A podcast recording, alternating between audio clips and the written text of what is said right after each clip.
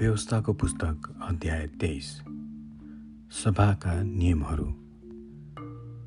लिङ्ग किचिएको वा काटिएको मानिसलाई परमप्रभुको सभामा पस्नु निषेध छ। निषेध गरिएको विवाहबाट जन्मेको मान्छे परमप्रभुको सभामा पस्नु हुँदैन। दस पुस्तासम्म त्यसको कोही पनि सन्तान परमप्रभुको सभामा पस्न पाउने छैन। अम्मोनी वा मोआबी परमप्रभुको सभामा पस्न पाउने छैन। दस पुस्तासम्म उनीहरूको कोही पनि सन्तान परमप्रभुको सभामा पस्न पाउने छैन। किनभने तिमीहरू मिश्रबाट आउँदा भोजन र पानी दिएर उनीहरूले तिमीहरूलाई स्वागत गरेनन्। उनीहरूले आराम नारायमको पतोरमा बस्ने बौरका छोरा बालामलाई तिमीहरूलाई श्राप नभनी पैसा दिएर बोलाए।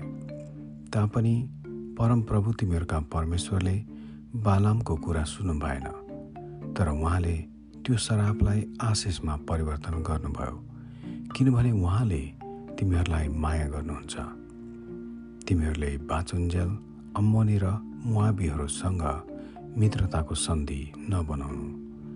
कुनै एदोमीहरूलाई तिमीहरूले तिरस्कार नगर्नु किनभने उनीहरू तिमीहरूका दाजुभाइ हुन्। कुनै मिश्रीलाई पनि तिमीहरूले तिरस्कार नगर्नु किनभने उनीहरूको देशमा तिमीहरू प्रवासी थियौ। उनीहरूबाट जन्मेका तेस्रो पुस्ताका सन्तान परमप्रभुको सभामा पस्न पाउनेछ विभिन्न नियमहरू। तिमीहरू आफ्ना शत्रुहरूसँग लड्न जाँदा छाउनीमा हरेक अशुद्ध कुराबाट जोगिएर बस। कुनै पुरुष स्वप्न दोषले अशुद्ध भएको छ भने त्यो छाउनीबाट बाहिर जाओस् र त्यहीँ बसोस्। साँझ हुँदै जाँदा नुहाएर सूर्यास्त भएपछि त्यो छाउनीभित्र आउन सक्छ। दिशा गर्ने ठाउँ छाउनीको बाहिर थोक तिमीहरूका हतियारसँग खन्ने थोक पनि राख। र दिशा बसेपछि त्यसैले खाल्डो खनेर दिशा पुर्याइदिनु। किनभने परमप्रभु तिमीहरूका परमेश्वर तिमीहरूको रक्षा गर्न र शत्रुहरूलाई अधीन गराउन तिमीहरूको छाउनीमा हिँडुल गर्नुहुन्छ। तिमीहरूको छाउनी पवित्र हुनुपर्छ कि परमप्रभुले तिमीहरूका बिचमा कुनै किसिमको फोहोर देख्नु नपरोस्।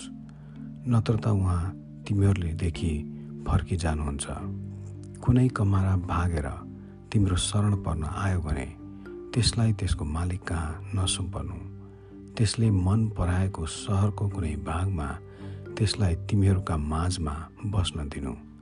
तिमीहरूले त्यसमाथि अत्याचार नगर्नु।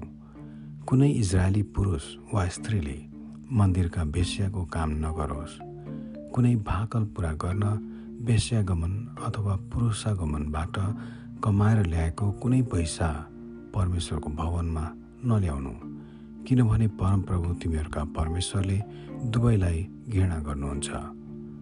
ब्याज कमाउन सक्ने रुपैयाँ भोजन वा अरू कुनै कुरो ऋण दिँदा आफ्नो दाजुभाइबाट ब्याज नलिनु।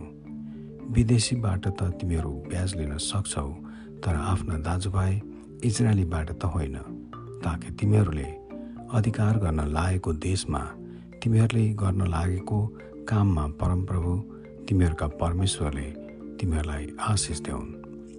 तिमीहरूले परमप्रभु तिमीहरूका परमेश्वरको निम्ति कुनै भाकल गरेपछि त्यो पुरा गर्न ढिलो नगर किनभने उहाँले त्यो पुरा भएको हेर्न चाहनुहुन्छ नत्र त तिमीहरूलाई पाप लाग्नेछ।